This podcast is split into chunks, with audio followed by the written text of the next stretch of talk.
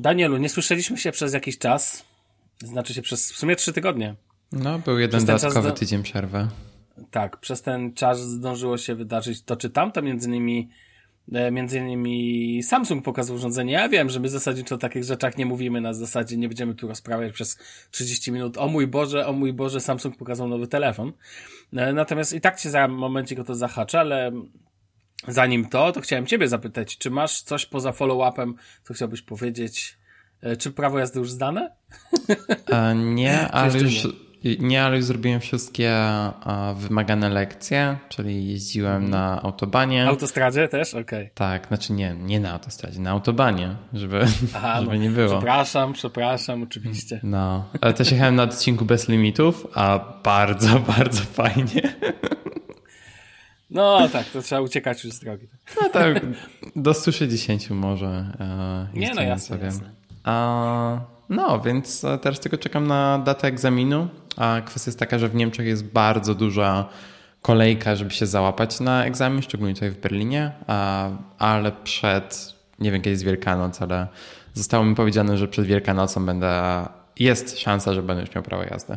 To jest około 14-15 kwietnia.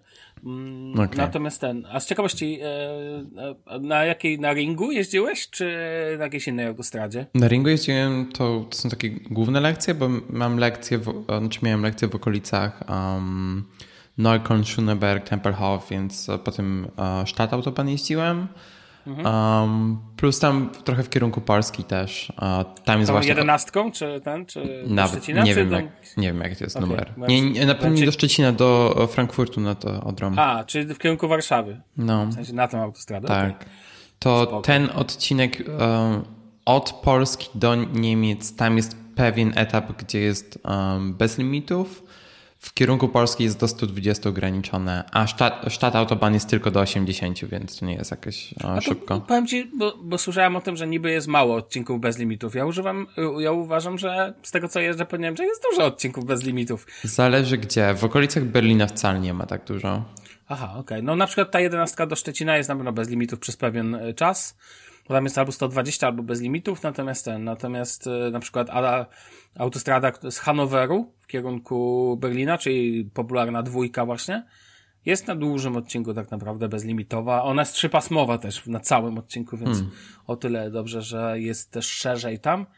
No, ale to inna rzecz, że stoi masa fotoradarów, tylko że są wyłączone, bo one mają tak zwane te dynamiczne ograniczenia szybkości, czyli tak. masz nad, nad drogą, wiesz, i później radar się włącza dla tej szybkości, co nie? Mhm. No, ale spoko, no to fajnie, fajnie, no to dawaj znać na bieżąco. A teraz pozwól, że ja tak naprawdę no, zahaczę ciebie, no de facto. Chciałem cię zapytać o twoje spostrzeżenie, czy masz jakiekolwiek e, takie pierwsze spojrzenie na Galaxy S22 okiem osoby, która właściwie no nie, nie, ani nie planuje tego kupić, ani nie e, ani jakoś tam pewnie specjalnie nie czyta na ten temat, natomiast mm. e, jestem ciekaw, no bo masz trzy telefony tak naprawdę, S22, S20, pominiemy tablety, które Samsung pokazał, bo to jest jednak troszkę niszowy temat, natomiast S22, S22 Plus i S22 Ultra, czyli tak naprawdę Note, no bo nie ma co ukrywać. To pytanie ode mnie jest jedno zasadnicze. Czy któreś Ci się wizualnie podoba? Um, so tak teraz patrzę na stronie Samsunga i mi się bardzo mm. podoba ten design, który pokazali w zeszłym roku, jeżeli chodzi o S21 i teraz to kontynuują. To są jakby trochę bardziej płaskie te telefony, więc bardzo mi się to podoba jeżeli chodzi o S22 i e, S22 Plus. Um, jeżeli chodzi o tego Ultra, no to tak. wygląda dokładnie jak Note i tak naprawdę jest Note'em, tylko po prostu nie ma Note w nazwie. E, I też właśnie oglądałem wideo od MK BHD i powiedział, że to jest Note. W sensie ma no. inną nazwę, ale to jest Note. Um, bardzo mi się podoba ten design znaczy, design Note podoba mi się najbardziej, bo bardzo lubię, że on jest tak płaski z przodu e, i z tyłu. Te góra i dół są płaskie, a reszta jest taka zaokrąglona. Nie, bardzo mi się podoba tego typu design i wydaje mi się, że to jest jeden z najładniejszych telefonów obecnie dostępnych na rynku. Ta kamera mnie kompletnie nie obchodzi, że ona wygląda tak, jak wygląda. W sensie, okej, okay, spoko, nie mam z tym jakiegoś żadnego problemu. A, więc tak naprawdę wizualnie one mi się wszystkie podobają. W sensie z przodu jest ciężko powiedzieć, jakiego to jest producenta telefon, bo to nie jest tak jak Apple, gdzie masz bardzo um, specyficznego notcha i jesteś momentalnie w stanie powiedzieć, czy to jest telefon Apple, czy nie. Um, ale jak patrzysz wiesz, z boków i z tyłu i tak dalej, to widać, że to jest telefon od Samsunga i ten design jest zawsze tak naprawdę Galaxy S6, ten design tych telefonów był naprawdę na bardzo wysokim poziomie i um, tutaj jest tylko lepiej, wydaje mi się. To czy nie ma tak wiele zmian w porównaniu do poprzedniej generacji? Um, szczególnie jeżeli chodzi o tego Note'a. Sensie, mm -hmm. To wygląda No wiesz, no ja ci tak mogę samo. powiedzieć tak od siebie, że e, dla mnie, z mojej perspektywy posiadacza Note 20 Ultra, mnie aż rozśmiesza ten telefon, bo on jest naprawdę jota wiota jak e, Note 20 Ultra. Może jest troszkę mniejszy, bo on ma, mój ma prawie 7 cali na przekroju ekranu, a tu jest 6,8.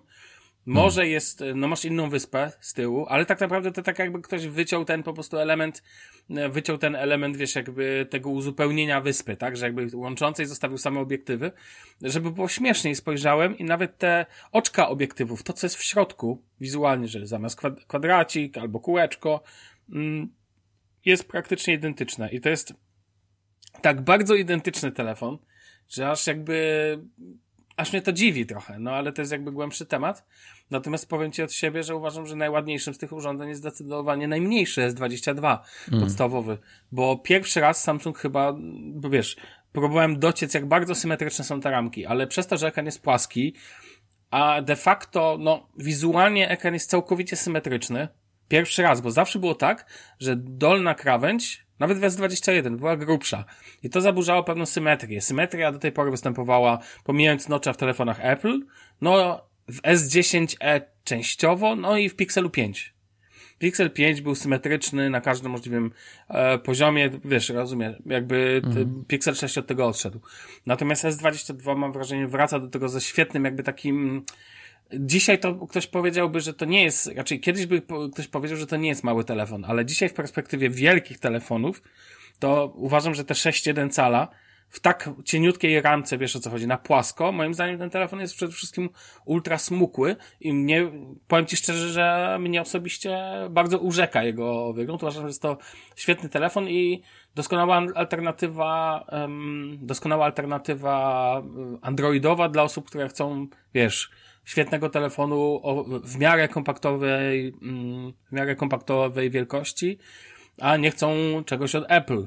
Uważam, że to jest jedna z bardzo ciekawych alternatyw obecnie. Jeszcze mam do Ciebie pytanie, jakby ty idziesz do pracy.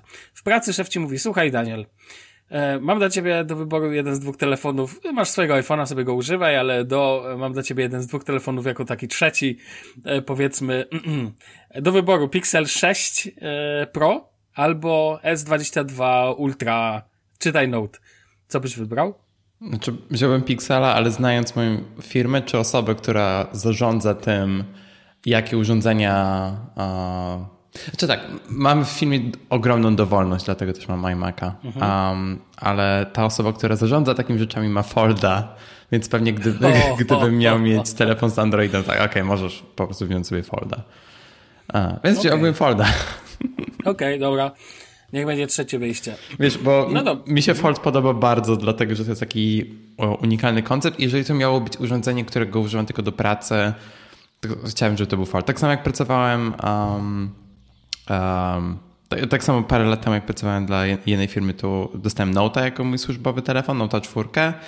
I wiesz, wtedy posiadanie telefonu, który miał rysik i tak dalej. Taki Note, wielki. Tak, ogromny i Note 4 był naprawdę świetnym telefonem, to bardzo lubię z niego korzystać właśnie jako taki telefon służbowy, um, jakiś do zadań związanych z pracą i tak dalej. Jakbyś chciał, to zapraszam cię, słuchaj, e, jest taki podcast dwóch po dwóch i tam nagraliśmy odcinek o historii Note'ów, więc byłem, byłem gościem, więc, mm. e, więc jest Note, Note 4, jest, e, że tak powiem, bardzo duże wtrącenie na jego temat. Chociaż dobrze nie miałeś Note 7, bo, hmm. bo by cię do samolotu nie wpuścili. No Note 6 też nie miałem. Nie wiem czemu. No. Ach, ta wybuchowa siódemka to było coś pięknego. No nic, dobrze, słuchaj. Myślę, że jeszcze warto byłoby zrobić jeden temat przed odcinkiem, mianowicie mój e, mały, że tak raczej właściwie follow-up do tego, co ty mówiłeś, ale w moim wykonaniu. Mianowicie do iMac'a o którym opowiadałeś. Ja miałem przyjemność mm, popracować taki tydzień z iMaciem 24-calowym Mm, I opowiadałem też o tym Shufflecast, ale opowiem krótko, że zachwycił mnie wizualnie. Absolutnie byłem za, zachwycony wizualnie. Powiem ci, że e, mieliśmy taki motyw, że ze względu na to, że jest to um, komputer, który jest przeznaczony do praktyki lekarskiej, on musi mieć taką jak naklejkę naklejoną, jak tuf. Widujesz takie naklejki tak. okrągłe na, na samochodach. I musisz coś takiego przykleić też y, do tego komputera. O nie. I to był pier... Właśnie, to był pierwszy raz, kiedy nie miałem jakby takiej idei, gdzie to przyczepić i tak zawiozłem tą naklejkę tak jak jak serduszko Wielkiej Orkiestry Świątecznej Pomocy po prostu na papierze, rozumiesz? I mówię do babki, której byłem, że musimy to przykleić. Ale gdzie to ja nie wiem. Bo przecież nie przykleimy na ten piękny stent albo na plecki. No bo ten komputer z każdej strony stara się wyglądać ładnie. I jakby przyczepienie tam gdziekolwiek takie naklejki to byłoby koszmar. No w końcu przyczepiliśmy na stędzie od dołu. O, właśnie chciałem tak. się spytać, czy, czy jest taka opcja.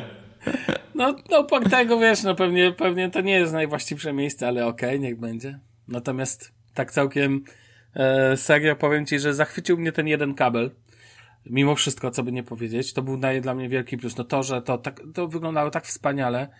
Um, wiesz, że jakby tylko jeden kabel podłączasz, to w ogóle był całkiem duży sprzęt. Um, znaczy ca całkiem ciężki. Myślałem, że będzie lżej. Mhm. Fajnie to jest, że w tej walizce idzie tak jakby fajnie ją się rozkłada. Wielki minus dla mnie, dla Apple za ilość plastiku, jaka tam jest. Jak czytam o ekologii w wykonaniu Apple, a później każda część tego ekranu jest oplastikowana i musisz zdjąć, wiesz, na przykład nawet z ramki bocznej musisz zdjąć plastik de no, facto. No, właśnie byłem zaskoczony, że to nie jest papier, tak jak w niektórych z nowszych produktów Apple. Um, właśnie było dla, dla mnie to trochę zaskoczenie, bo MacBooki też przychodzą w papierze, uh, no jakieś tak, akcesoria do iPhone'ów i tak dalej. No. Nawet, nawet jakiś wymyślić, no Apple stać na to, żeby wymyślić jakiś klej, e, nie wiem, no, wiesz o co mi chodzi, który jest ekologiczny i kleić nim tylko papier i to wszystko.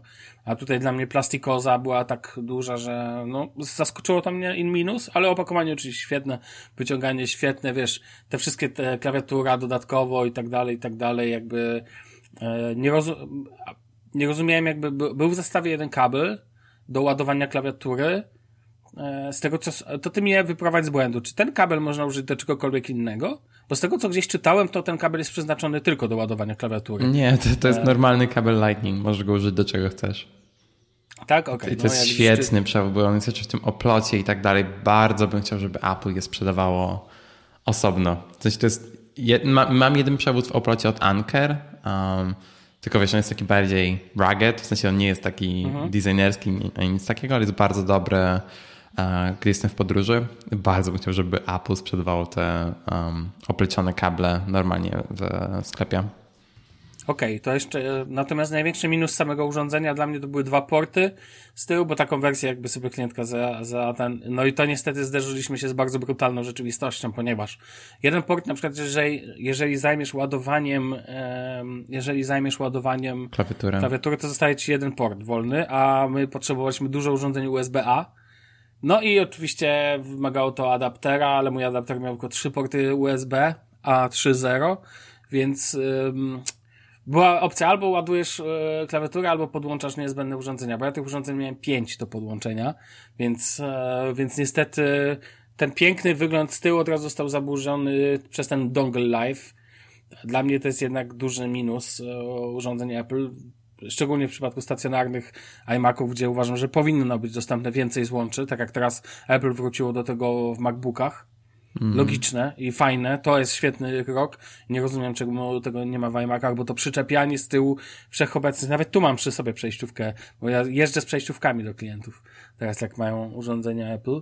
Natomiast, e, no niestety, w, te, w specyfice tego, co musiałem robić, gdzie musiałem podłączać drukarkę po USB, rozumiesz? To jakby dyski, pendrive'a osobnego, tam jest potrzebna redundancja zapisu danych i tak dalej, no po prostu jakaś masakra. No tak, no, tylko, więc, tylko no. ta wersja, którą ona ma, to jest wersja tak gorsza, w sensie to jest wersja, która ma tylko, po pierwsze, ma 7 rdzeni GPU i ma tylko jeden wiatrak, więc też jeżeli chodzi o um, thermal efficiency, w sensie jeżeli chodzi o, nagrzewanie się tego komputera i tak dalej, też jest znacznie gorsze. Więc jeżeli robiłoby cokolwiek bardziej skomplikowanego, w sensie ten komputer nie byłby aż tak dobry jak ta wersja um, z ośmioma rdzeniami. Plus nie dość, że on ma tylko dwa porty zamiast czterech, tak jak ten, który ja mam, to jeszcze nie ma normalnie w zestawie Touch ID.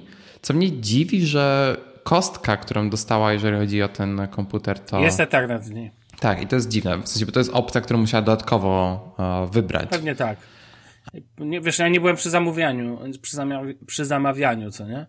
Ale powiem ci tylko od siebie, że akurat do tego zastosowań uważam, że kupowanie mocniejszego sprzętu byłoby bez sensu.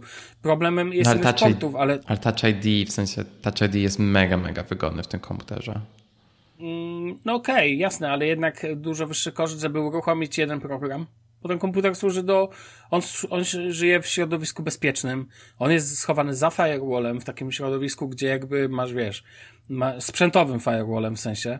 Um, I on służy do odpalania dosłownie jednego głównego programu plus dokumentów, więc jakby więc nie, nie wymaga, no w sensie dokumentów, czy drugiego programu Microsoft Office tam lata też, nie? No to to naprawdę to nie jest jakby najważniejsze tam było zastosowanie. Znaczy nie ma sensu, bo to byłoby, wiesz, strzelanie z armaty do gołębia, tak? No bez hmm. sensu. Jakby i to i tak było bardzo wystarczające doświadczenie obcowania z samym szybkością systemu było świetne. Ja nie miałem żadnych zastrzeżeń, przyjemność była duża. No, y, Magic Mouse, jak już włączyłem prawy klawisz myszy, to już przestał mnie do, my, myszka, no bo tam domyślnie jest wyłączony prawy klawisz myszy w Magic Mouse był, więc... Na pewno? E, na 100%. O. Bo się z tym męczyłem, musiałem to znaleźć w ogóle. Dlaczego prawy klawisz myszy nie działa? Myślałem, że jest domyślnie włączony, a nie wiem. Tak, dostałem też kilka maili na ten temat, że dlaczego e, są prawe klawisze myszy domyślnie wyłączone. Więc ja to musiałem... Jest option... Nie, czekaj, to jest nie pamiętam, czy control. albo szukaj sobie. Control click, tak. to jest wtedy. Tak, że to jest, no ale znowu, to jest znowu klątwa wiedzy. Drodzy użytkownicy Apple, jak ktoś tego nie wie, to tego nie kliknie, no prosta sprawa. A prawy klawisz myszy, może ktoś przyzwyczajenie z Windowsa, ok, ale jakoś się przyjął prawy klawisz myszy używania jakby dwukliku na myszkach, a nie jednokliku. Znaczy w sensie jednego przycisku versus dwóch przycisków, to nie, bo może nie, nie, nie dwuklik. Znaczy ja uważam, że to jest głupie, że to nie jest, jeżeli to jest rzeczywiście nie jest włączone domyślnie, bo um, znaczy okej, okay, ja używałem ostatnio tylko i wyłącznie um, jak to się nazywa? Um, w sensie używałem Migration Assistant, żeby przenieść dane mhm. z Macu, więc zawsze mam to włączone. A, okay. Ale faktycznie, jeżeli to jest wyłączone cały czas jako, nie, jako niedomyślna opcja, to rzeczywiście jest bardzo uh, irytujące. No, mam pytanie, czy w twoim Finderze masz katalog domowy widoczny, ustawiony jako widoczny? Tak zwany home, czy jak tam on się nazywa, nazwa użytkownika bodajże.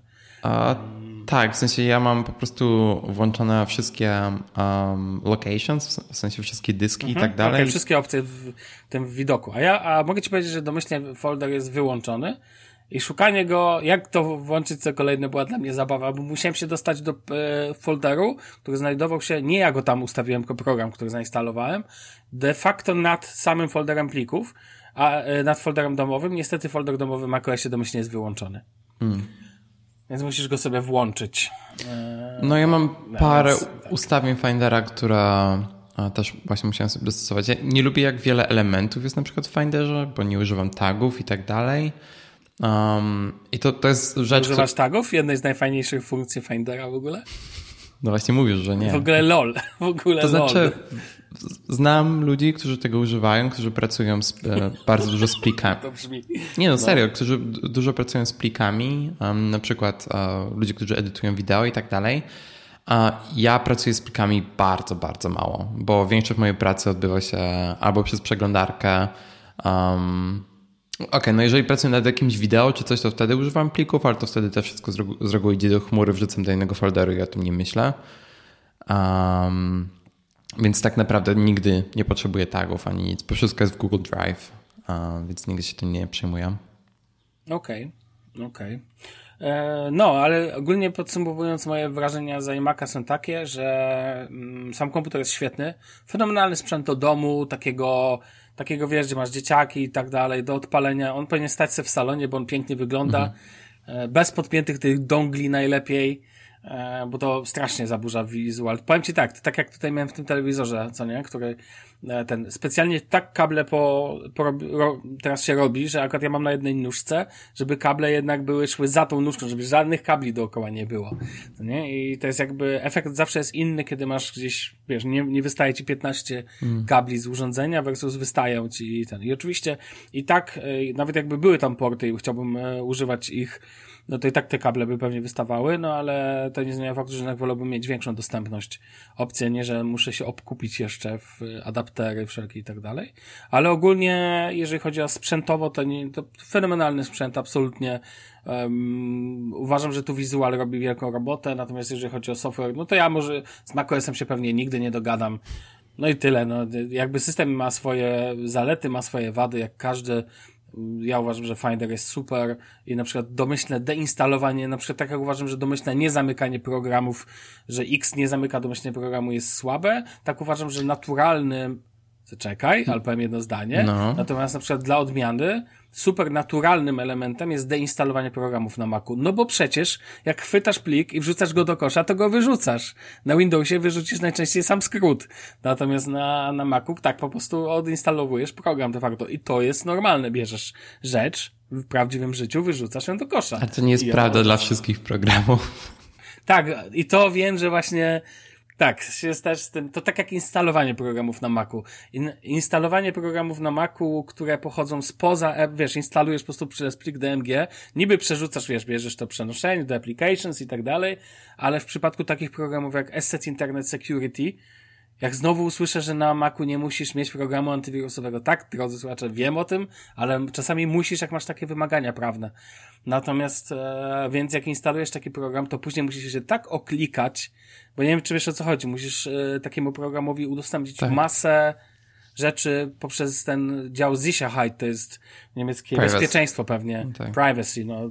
I tam musisz poudostępniać mu multum rzeczy, ale program często cię niedokładnie informuje, co dokładnie musisz kliknąć. Więc jakby wchodzisz i szukasz. I dopiero na metodę chybił trafił, bo tam jest masa ustawień w Macu i on cię niestety zachowuje się czasami jak Windows Vista. W sensie wywali ci co chwilę jakieś powiadomienie, no to musisz aktywować, to musisz aktywować, to musisz aktywować. No myślałem, że dostanę po prostu nie powiem czego w pewnym momencie. I tak wiesz, i miałem to z, z kilkoma programami, tak było. Musiałem zainstalować kilka programów, które nie pochodzą ze sklepu, app, wiesz, App Store i tak dalej, tylko po prostu musiałem je pobrać, zainstalować i o, przykład AnyDesk, program do przejmowania kontroli nad, e, do remote e, control, tak?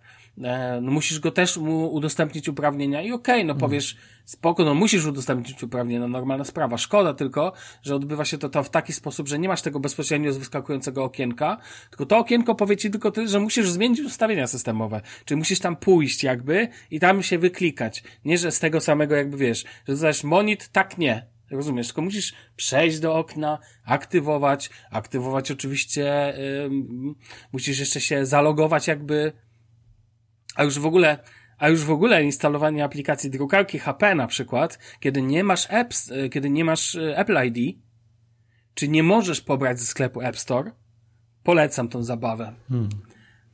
Bo to jest w ogóle wyższa matematyka Apple'owa, którą musiałem przejść, tam miałem wrażenie. Jak sobie zainstalować aplikację ze sklepu e, z App Store, kiedy nie masz, e, wiesz, konta. No, to, to tak więc wiesz, więc trochę ten, na szczęście, e, tak jak mówię, natomiast e, ja wiem i powiem Ci jedną rzecz, zastanawiając się nad tym, wiem, że gdybym, gdybym poznał macOSa i spersonalizował go mocno pod siebie, to pewnie byłbym zadowolony, mając w głowie wszystkie skróty klawiaturowe i tak dalej, to robiłbym pewne rzeczy naturalnie i byłyby, wiesz, jakby one dla mnie oczywiste. Natomiast nie zmienia to dla mnie faktu, że na takim, po, że poziom wejścia Maca jest dużo wyższy niż się może, e, moim zdaniem, wielu osobom wydawać, bo tam rządzą też skróty klawiaturowe. Mam wrażenie, że jak chcesz szybką pracę, sprawną, to powinieneś używać skrótów. To ty używasz skrótów, na pewno. No tak, ale wiesz, to, tak jak mówisz, to jest kwestia przyzwyczajenia. Ja też um, tak. bardzo dużo skrótów używam e, na przykład przy użyciu gładzika i Teraz u nich w biurze nie mam godzika, mam tylko Magic Mouse i bardzo wielu tych skrótów mi brakuje. Na przykład do otwierania Launchpada. To jest taki pinch czterema um, okay. palcami. To brzmi skomplikowanie, ale jak zacząć tego używać, to jest mega intuicyjne. I na Magic Mouse nie ma tego skrótu. I nagle zdałem sobie sprawę, że kurczę, na nowej klawiaturze też nie ma przycisku Launchpad, więc teraz muszę mieć ikonę Launchpad w, w doku, żeby wow. móc okay. otwierać Launchpada. No, ale jakby te gesty są mega szybkie do... czy mega szybkie jak zaczniesz z tego korzystać w jakimś specyficznym kontekście, to nagle się do tego przyzwyczajasz? Nie, jak się do tego przyzwyczaisz i nauczysz, to jasne. Ja mam też tak. swoją drogę na Windowsie, co nie? Ja używam na przykład skrótów klawiaturowych, tylko że one tu nie są konieczne. Dla mnie na przykład mm. otwieranie eksploratora przez Windows E, e, Windows Explorator, albo blokowanie dostępu do komputera przez Windows L, jest jakby rzeczą tak naturalną, że no Windows nie wyobrażam sobie inaczej otwierać eksploratora. Hmm. Ale wiesz, to jest z każdą aplikacją, z każdym systemem. Ja na przykład a, dopiero, nie wiem, miesiąc, dwa miesiące temu przyzwyczaiłem się do skrótów klawiszowych w Slacku. Tak nigdy mhm. nie zdałem sobie nawet sprawy, że tak byłoby mi sprawniej korzystać ze Slacka. I nagle to jest jedyna metoda, z jakiej korzystam ze Slacka. Jeżeli widzę jakąś wiadomość, to po prostu wciskam Command K E, enter e, czy tam return i idę do ostatniej wiadomości, zamiast wiesz, klikać w konkretny czat, gdzie dostałem nową wiadomość i tak dalej. Um, no i Command K w ogóle w większości aplikacji jest mega przydatny, więc jak z czegokolwiek korzystacie, Command K daje wam szybki dostęp do, do czegokolwiek. Ha, ja na swojej klawiaturze mam nawet Command. No bo ta klawiatura od Logitecha, której używam, jest multisystemowa, co nie wiem, to ma obydwa oznaczenia. No tak. Przynajmniej wiem, gdzie go mogę znaleźć. No, ale to, to miło słyszeć, że ci się podoba ten iMac cały czas. W sensie dla mnie... Nie, no, absolutnie. To jest świetny, świetny komputer. No, nie, jestem mega zadowolony z niego też i uh, dla mnie ten, tak jak mówiłem ostatnio, ten rozmiar jest dla mnie idealny. I tutaj w domu mam 32 cale i to się jest wygodne, jeżeli mam wiele okien. Teraz na przykład jak nagrywam podcast, to wiesz, mam, mam podgląd tego, jak się audio zgrywa i tak dalej, mam notatki, ale jest tak dużo przestrzeni, która jest niewykorzystana, bo ten ekran jest po prostu za duży dla mnie, przynajmniej w tej odległości, w której jestem od tego ekranu. 24 cale są naprawdę wygodne, jeżeli chodzi o pracę. Do tego, do czego ja, e, ja korzystam. I też używam Final Cut'a na tym iMacu, Logic Pro i tak dalej i bardzo lubię ten ekran. Okay. Jedyna rzecz, której tak, nie lubię. No właśnie, chciałem zapytać, bo coś mi migło przed oczami jakiś temat klawiatury. Czy to mi się zdarzy, zda, zdawało, że przyciski na klawiaturze nie są tak idealne, jak myślałeś, że są, czy, czy mi się to przyśniło? A nie, znaczy mówiłem o przyciskach funkcyjnych. Tak, że funkcyjne. Tak, ale to nie jest nie... tylko do iMac'a, to, e, to nie tyczy się tylko iMac'a, to tyczy się również nowych MacBooków. To jest zmiana, która okay. była dodana w w tych pierwszych komputerach z M1. To też wrzucałem tweeta na, na ten temat, że... A, tweet, tak, tweet. Zastanawiałem się, gdzie ja tu widziałem, że ty napisałeś coś na ten temat. Nie pamiętałem, czy tutaj, czy... Tak. Te, no dobra, okej. Okay. Te nowe przyciski funkcyjne, nie jestem ich um, ogromnym fanem. A w każdym razie, jedyna rzecz, która mi nie podoba się w tym iMacu, czy w ogóle we wszystkich desktopach od Apple, to jest to, że ten ekran jest 16 na 9, a nie 16 na 10, ale w sensie, okej, okay, przeżyję jakoś. Okej. Okay. No. Ale e, jeszcze tylko się upewnię, e, kiedy planujemy tą recenzję ście, szmateczki ściereczki, bo dobrze rozumiem, że ją kupiłeś? A, e, mogę zrobić to teraz. Okej, okay, to szybka recenzja ściereczka szmateczki poproszę. Dwuminutowa. To jest ścierka. Czy wyciera jakoś magicznie? To jest ścierka i działa, tylko muszę, e, mam jedną u, uwagę, e, że Apple kłamie na ich stronie jest powiedziane, że jest kompatybilny tylko ze sprzętem od Apple i to jest nieprawda. Użyłem tej ścierki na e, ekranie od Samsunga i muszę powiedzieć, że e, działa. Więc, o, no dobrze wiedzieć, no. ale pewnie jakoś wolniej, co nie w innym standardzie. Wiesz co, um, przez to, że ten ekran jest matowy, to uh, jakby ta ścierka, ścierka działa szybciej na nim, ale też jakby nie ma tego gripu takiego. E, ale działa bardzo dobrze na takich ekranach. E. Czyli jest, rozumiem, ograniczone z pewnych funkcji, no rozumiem, tak. czyli jakby typowe Apple, no znowu zrobiło kastrację funkcji dla innych systemów. Tak, tak. Znaczy, no, pewnie trudne. jeżeli masz ekran ten z Nano Texture, uh, iMac'a czy uh, Pro Display XDR, to też możesz mieć jakiś problem, że ta ścierka jest zbyt e, śliska dla tych ekranów, ale ogólnie jest bardzo, bardzo fajna. Jeżeli chcecie wiedzieć, jakiego to jest, e, jak, jaki to jest materiał, to jeżeli macie etui od Apple albo um, Magic Keyboard czy uh, Smart key, uh, Keyboard Folio, to to jest dokładnie taki sam, taka sama mikrofibra, jak jest właśnie na tych klawiaturach czy etui. Um, Jest spoko. W sensie to był bardzo impulsywny zakup, ale... Ale byłeś, e, zapytam, zamawiałeś to i musiałeś czekać kilkanaście tygodni? Nie, nie, nie. Czy... Właśnie o, o, to chodziło, że byłem w Apple Store, bo um, oddawałem moje AirPodsy do serwisu. W ogóle dostałem... Uh, wymienili mi ob, uh, oba, obie AirPodsy, obie słuchawki za darmo. Uh, okay. Więc to bardzo miło z jej strony. I właśnie byłem w Skype tak, hmm, czy macie może teściarkę? Więc mieli i kupiłem i jestem bardzo zadowolony. Świetnie okay, wydane 25 euro. 25 euro ona kosztuje? No tak, e, tak. Bo, bo, ja wiedziałem, że ona w polskim sklepie kosztuje 99,99 jakoś, czyli drożej w Niemczech, no bo to jest ponad stówka i to grubo ponad stówkę.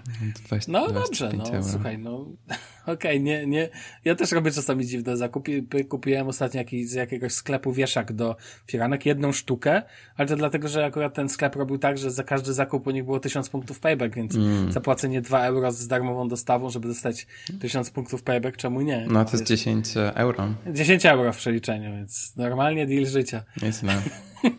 Prawie jak Bitcoin. Jeżeli robi zakupy w fizycznych sklepach Apple, to nie ma punktów payback, ale jeżeli robi zakupy przez stronę internetową, to są punkty payback na wybrane produkty. No, to jest zawsze ten. Zawsze mówię, zresztą pisałem to wczoraj w Twitche o Rewe, że kilogramy paybacków są z niektórych miejsc. W DM-ie to tam można, ostatnio poszedłem na zakupy, 2000 punktów wpadło, więc wiesz, więc tam to po prostu jakaś ma miazga z masakrą, jeżeli chodzi o punkty. No ja w DM mam praktycznie zawsze 25% zniżki przez te punkty payback i tak dalej. No właśnie. No dobrze, słuchaj, to myślę, że możemy już skierować się do odcinka właściwego. Dobrze, zacznijmy. Drodzy słuchacze, witamy Was serdecznie w kolejnym odcinku podcastu Dobre Rzeczy. To już właściwie numer 40, więc warto to powiedzieć. W końcu okrągła, pełna rocznica prawie, że. E, więc były, już trochę tego nam się udało nagrać. A z Wami są jak zwykle Daniel Marcinkowski. Proszę bardzo, Danielu, powiedz cześć. Cześć, Sławko. I tak, ja Sławek Gata. Drodzy słuchacze, witajcie, cześć Danielu również. E, dzisiaj porozmawiamy sobie o temacie, którego jeszcze nigdy nie poruszaliśmy. Oczywiście kręciliśmy się jak dookoła każdego e, chyba tematu, jaki poruszamy. Gdzieś to zahaczamy pewne rzeczy. Dzisiaj porozmawiamy o ekosystemach.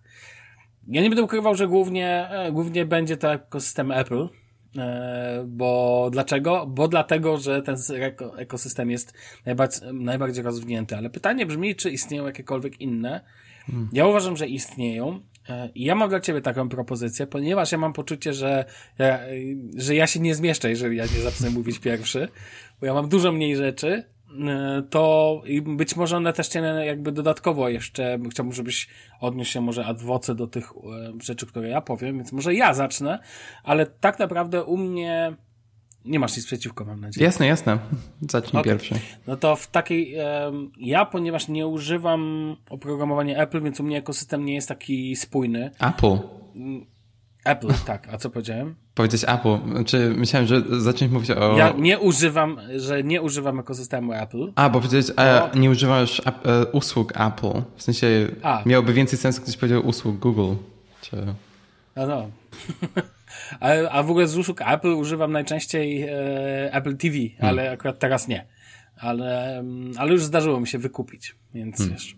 Natomiast jeżeli chodzi, ja uważam, że w ogóle jako ekosystem traktuję współpracę pomiędzy urządzeniami, tak bardziej bym to po, podchodził do tego. Ja bym powiedział, że mój ekosystem to mój własny ekosystem, na który składa się usługi od Apple, uff, znowu to zrobiłem, usługi od Samsunga, usługi od um, od Google przede wszystkim, no nie ma co ukrywać, czyli tak zwany ekosystem Androida połączony z Windowsem i najważniejszą, dla mnie najważniejszą kwestią w tego typu rzeczach jest współpraca w możliwości przesyłu plików. I ktoś powie, no tak, e, ty zaraz powiesz, że przesył plików nie jest najważniejszy i tak dalej. Wiem, że w ramach ekosystemu e, na przykład Apple dostępne są kwestie powiadomień i tak dalej, o tym pewnie ty za moment będziesz mówił. Ja zacznę od tego, że na przykład mi takie rzeczy jak e, dostęp do powiadomień, zastanawiałem się nad tym ostatnio i na przykład ja bym nie chciał, żeby mi te, komputer dzwonił, kiedy mój telefon dzwoni wiem, że taki element ekosystemu Apple występuje, tak? Że możesz jakby, no widzisz, że ktoś do ciebie dzwoni, siedzisz przy Macu, co nie? I dzwoni twój telefon i możesz w tym momencie widzisz, że ktoś dzwoni. Mm -hmm. Chyba się nie mylę, co nie? nie? To... I to jest Natomiast... jedna rzecz, no. Zga zgadzam się z tobą, bo to jest dosyć uh, irytujące, szczególnie jeżeli masz kola na Google Meet, na Zoomie czy coś takiego. I co mnie najbardziej dziwi, ta funkcja jest włączona domyślnie, jeżeli konfigurujesz nowe urządzenie, ale co nie jest włączone domyślnie, to są SMS-y. W sensie za każdym razem, jeżeli konfigurujesz nowe urządzenie od Apple, e, czy iMac, czy iPad, MacBook i tak dalej, musisz zaznaczyć, że chcesz dostawać SMS-y na tym urządzeniu, ale połączenia telefoniczne są zawsze domyślnie włączone. E, nie mam pojęcia czemu. Ja, ja mam tę funkcję akurat włączoną. Um, bo mam bardzo rzadko połączenie telefoniczne, więc jeżeli mam, to z reguły są istotne, a, ale tak, to jest dosyć irytująca funkcja, zgadzam się. U mnie to by nie przeszło, dlatego że niestety e, telefon, którego używam, działa w dual SIMie klasycznym. I problem polega na tym, że większość telefonów do mnie to niestety spam, moim zdaniem. O. W sensie, wiesz, jakaś propozycja tego, tamtego, tutaj, wiesz, masz konto w jakimś banku i już w tym momencie ci e, męczą cię, bo chcą ci, nie wiem, dać kredyt na to czy na hmm. tamto, co nie? I po prostu z tego względu ja tak naprawdę rzadko kiedy odbieram te, znaczy ja w ogóle mało dzwonię, jak dzwonię to do klientów, znaczy porozumiewam się poprzez komunikatory ze znajomymi, nawet dzwonię na komunikatorach najczęściej, jeżeli rozmawiam z kimś, wiesz, osobiście i tak dalej, bo wtedy nie muszę się zastanawiać, z którego numeru dzwoni i tak dalej. Więc takie funkcje dla mnie akurat byłyby zbędne, ale akurat jeżeli chodzi o współpracę pomiędzy komputerami a telefonem, to najlepszym rozwiązaniem, jeżeli używacie, jeżeli używacie sprzętów Windows plus Android, jest po prostu aplikacja Your Phone, którą macie na, od Microsoftu e, tak zwany twój telefon. Ona pozwala wam sparować własny te, wasz telefon z systemem operacyjnym. W przypadku telefonów Samsunga, tak jak jest to u mnie, ta współpraca jest bardzo silna. W sensie um, dzięki temu ta aplikacja pozwala między innymi na całkowite wyświetlanie sobie na przykład przejęcie kontroli nad telefonem, e, zaglądanie na odpalenie każdej aplikacji de facto e, na Windowsie, co jest świetną rzeczą, przydatną dla aplikacji, które nie mają wersji na Windowsa. Przykładową aplikacją taką typu, tego typu u mnie jest aplikacja Bluecoins, która służy do zarządzania hajsem no, pieniędzmi. No, w sensie tam sobie zapisuję wydatki i tak dalej. I ona nie ma wersji na komputer, więc ja ją po prostu odpalam sobie, jak chcę sobie na komputerze ją sprawdzić, to sobie ją po prostu odpalam na komputerze za pomocą aplikacji Twój telefon. I ona normalnie jakby działa to w pełni funkcjonalnie, to tak jakbyś y, de facto jest to streamowanie po sieci lokalnej telefonu do no telefonu. Masz tutaj także uniwersalny schowek, w przypadku urządzeń e, Samsunga. Wiem, że nie, nie, nie, nie dotyczy to wszystkich urządzeń. Więc jak, znaczy nie dotyczy to w sensie innych firm. Pytanie, czy to jest tylko tekst, czy też zdjęcia i tak dalej? A powiem Ci szczerze, że nie sprawdzałem, ale mogę to za momencik szybko sprawdzić, ale podejrzewam, że chyba to też, no nie dam sobie ręki uciąć. Musiałbym to sprawdzić, a jakbyś to, to będzie dość trudne w tym momencie. Natomiast kopiowanie na pewno, na pewno działa. Tekstu, tekstu działa na pewno. Okay. Co do zdjęć, to przyznam szczerze, że nie wiem, ale to nawet jeśli nie, to nie jest problem, bo tu masz normalnie pokazane wszystkie, masz w ogóle tej aplikacji między innymi sekcję zdjęcia, która pokazuje ci wszystkie twoje zdjęcia w telefonie z podziałem, wiesz, na jakieś tam katalogi i tak dalej, do wyboru, do koloru. Masz też wiadomości, czyli możesz napisać stąd SMS-a. Jeżeli ta aplikacja jest włączona, to SMS-y dostajesz po prostu, no na, na komputerze, wyświetlają się, możesz na nie od razu odpowiedzieć z powiadomienia. To jest akurat bardzo przydatne, ale wiesz, do czego to jest najbardziej przydatne? Do kodów bankowych wszelkich. W się wyświetlać się na telefonie, kopiujesz, wklejasz. Pytam się o to zdjęcie nie bez powodu, bo to nie chodzi tylko o zdjęcia, które masz w bibliotece, ale na przykład jeżeli przeglądasz um, nie wiem, jakąś stronę internetową na Macu czy na iPadzie, może skopiować jakieś zdjęcie ze strony internetowej i potem może się wkleić, nie wiem, tele, na Telegramie czy coś takiego na telefonie. Bardzo często z tego korzystam na przykład. Okej, okay, powiem Ci szczerze, nie wiem. Jak będziesz Ty opowiadał, to ja to w tle sprawdzę i jeszcze się odno odniosę do tego. To jest bardzo ciekawa funkcja faktycznie. To bym widział zastosowanie dla niej. Nie zdziwię się, jakiej nie ma. Nie zdziwi mnie to zupełnie. Mm, z kodami weryfikac weryfikacyjnymi to też jest bardzo fajna rzecz na Macu, która działa tylko w Safari, um, ale warto o tym wspomnieć. A jeżeli dostaniesz kod weryfikacyjny, to wtedy Safari automatycznie go wklei. Nie musisz otwierać wiadomości, nic i ta e, wiadomość zostanie automatycznie zaznaczona jako przeczytana. O, okej. Okay. To, no jest, to, jest właśnie bardzo, no, to jest spoko. To jest świetna funkcja, bardzo ją lubię. Jeżeli chodzi o, jeżeli chodzi o właśnie wsparcie znaczy, no tak jak mówię, no to jeżeli chodzi o wiadomości tekstowe, to jakby z tym nie ma, nie ma tutaj większego problemu.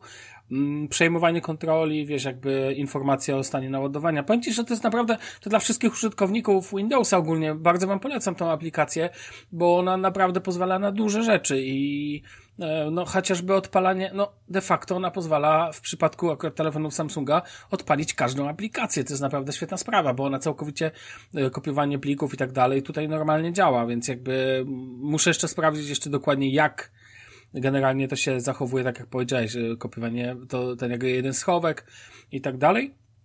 Natomiast tak, ogólnie działa. E, innym aspektem uważam, ważnym dla ekosystemu, zastanawiałem się nad tym też ostatnio, jest kwestia synchronizacji kart.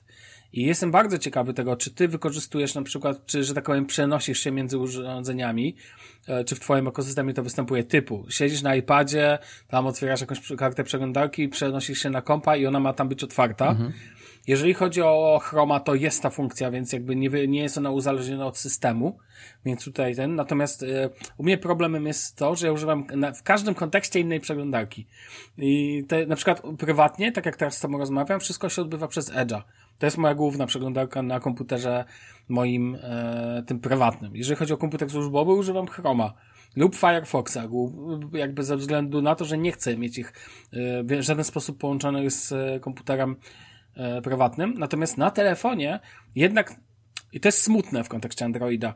Najbardziej na, na, bo wszyscy mówią o tym tak zwanym dostępnie, wiesz, możesz skustomizować, jasne, ale najbardziej dobrze działającą przeglądarką na Androidzie jest Chrome. Co byśmy nie robili, to czasami pojawiają się sytuacje, że domyślny link, o, podam Ci przykład.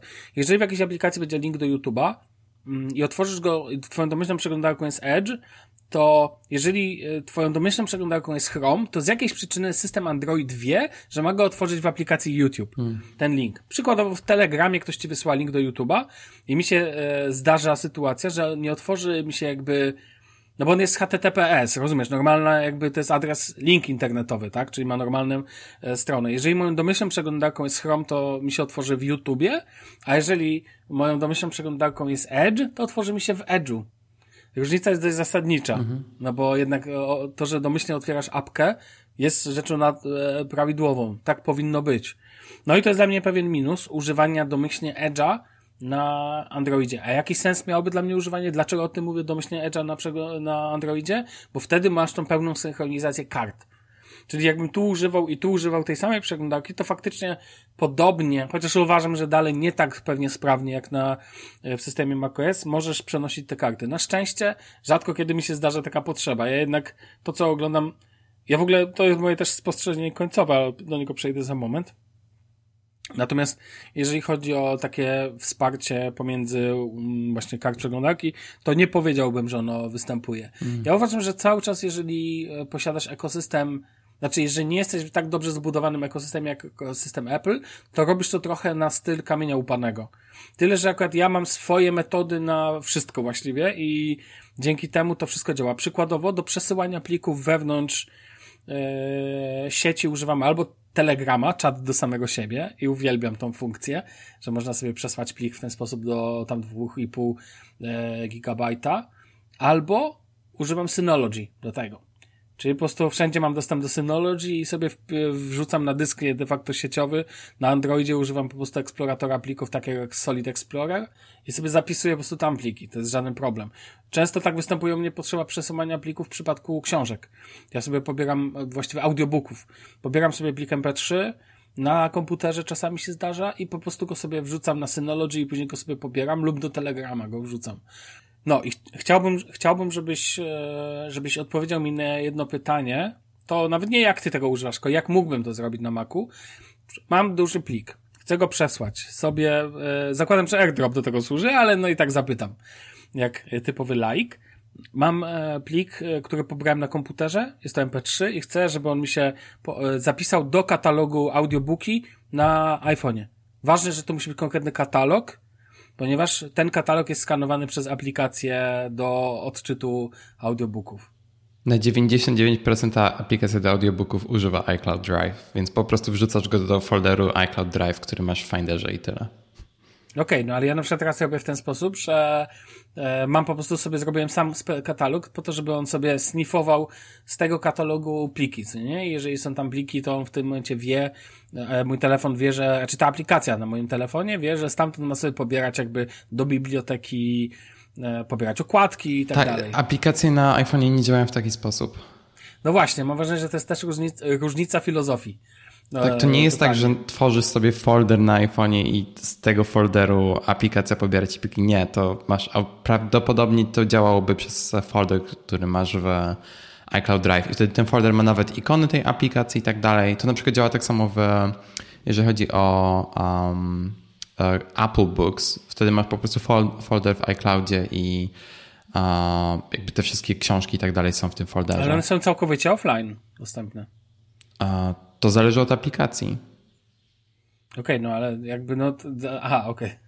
Nie no, no to właśnie domyślnie chciałbym, żeby skopiować plik i mieć go offline. Ogólnie na, na, na iOSie wszystkie aplikacje działają jakby w kontenerach, które uh, mają stworzone. W sensie masz aplikację do zarządzania plikami, ale z reguły te pliki są na uh, w iCloudzie. Są niektóre rzeczy, które są zapisane w offline i masz wtedy je po prostu dostępne w aplikacji Files, i wtedy, jeżeli używasz AirDropa i przesyłasz te rzeczy, to masz opcję po prostu wybrać, do którego folderu chcesz wrzucić ten, tą rzecz.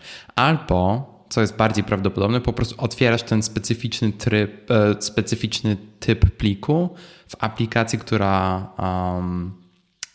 jakby pasuje do tego typu treści. Więc jeżeli masz jakiś odtwarzacz audio, jak aplikację do audiobooków, to po prostu będzie jak, jako jedna z rekomendowanych aplikacji do tego typu pliku. Ale to, to jak system miałby rozpoznać, że to nie jest muzyka? To zależy. To, to jest MP3. Może być to muzyka, ale to zależy od tego, jak deweloper aplikacji to zaimplementuje. Strasznie to brzmi skomplikowanie. No, jeżeli tego używasz, to nie. W sensie... Um, Okej, okay, a to jeszcze jedno pytanie, bo tu powiedziałeś, że zapisujesz sobie to ok, jakby iCloud Drive, ale to od razu dla mnie brzmi, że jakimś online'owym, znaczy to mam świadomość, że to jest online'owy dysk, czyli płacimy, bo jest za dużo, jakbym miał tego kilkadziesiąt gigabajtów, to nie muszę wtedy jeszcze za to płacić dodatkowo? No, do 50, jeżeli chcesz mieć 50 giga, to jest 1 euro miesięcznie. No, jedna, książ jedna książka to jest u mnie giga. Jeszcze raz, to zależy od aplikacji, której używasz. Okay. W sensie aplikacja może mieć swoją własną bibliotekę, swoją własną chmurę i tak dalej. To zależy tylko i wyłącznie od dewelopera aplikacji. Okej. Okay. E, no to, to, to nie brzmi tak klasycznie, o tak. Um, znaczy, tak jakby... Masz, rozumiesz, wszystko...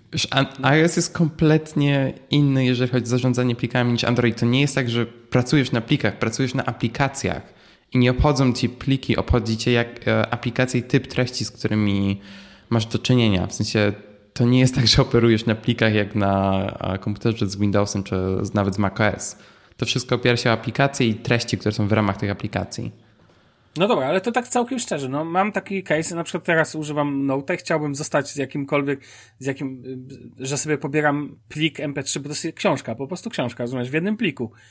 To mogę sobie, rozumiem, że musiałbym znaleźć taką aplikację, która sobie z tym jakoś magicznie poradzi. Nie, będzie... wtedy używasz, jeżeli chcesz go przesłać jako plik z macOS tak. na iPhone'a, to wtedy używasz AirDropa i jak odblokujesz telefon, dostajesz komunikat, że jest tak, plik AirDrop, który czeka na akcję z twojej strony i wtedy wybierasz, co chcesz zrobić z tym plikiem. Wyświetli ci albo dodaj do plików, w sensie do aplikacji pliki i wtedy możesz go dodać do katalogu online albo offline na iPhone'ie. Wtedy jest tylko na tym urządzeniu, jeżeli to jest offline, albo dodajesz go do konkretnej aplikacji wtedy ta aplikacja sobie z tym e, plikiem radzi. Aha, czy mogę ją dodać do aplikacji. Okej, okay, no to brzmi sensownie. No dobrze, czyli de facto wtedy on jest zapisany dla danej aplikacji, jeżeli ta aplikacja go, no można, ta, ta aplikacja jest de facto folderem w cudzysłowie. No takim kontenerem. W takim rozumieniu, tak, tak, tak, tak okej.